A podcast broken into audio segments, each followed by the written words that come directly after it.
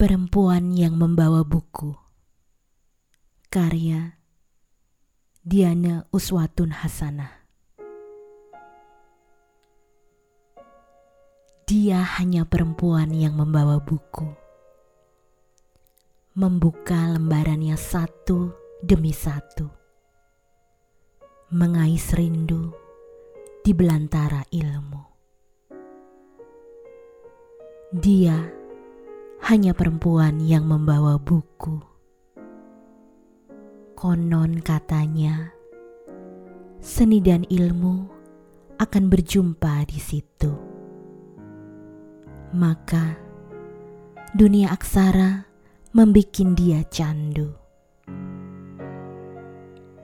Tapi di sini, perempuan yang memegang buku bukanlah candu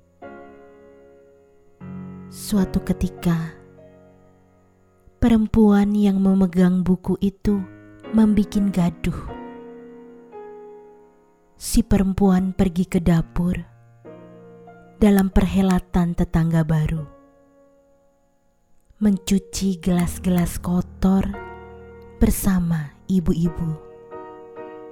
Perang! Gelegar suara gelas pecah diiringi suara-suara lain. Biasanya kan yang dipegang buku. Ah, dasar si kutu buku. Kali ini, perempuan yang membawa buku kembali merdeka dan berkuasa. Menggumuli lembaran-lembarannya sambil menanti datangnya purnama.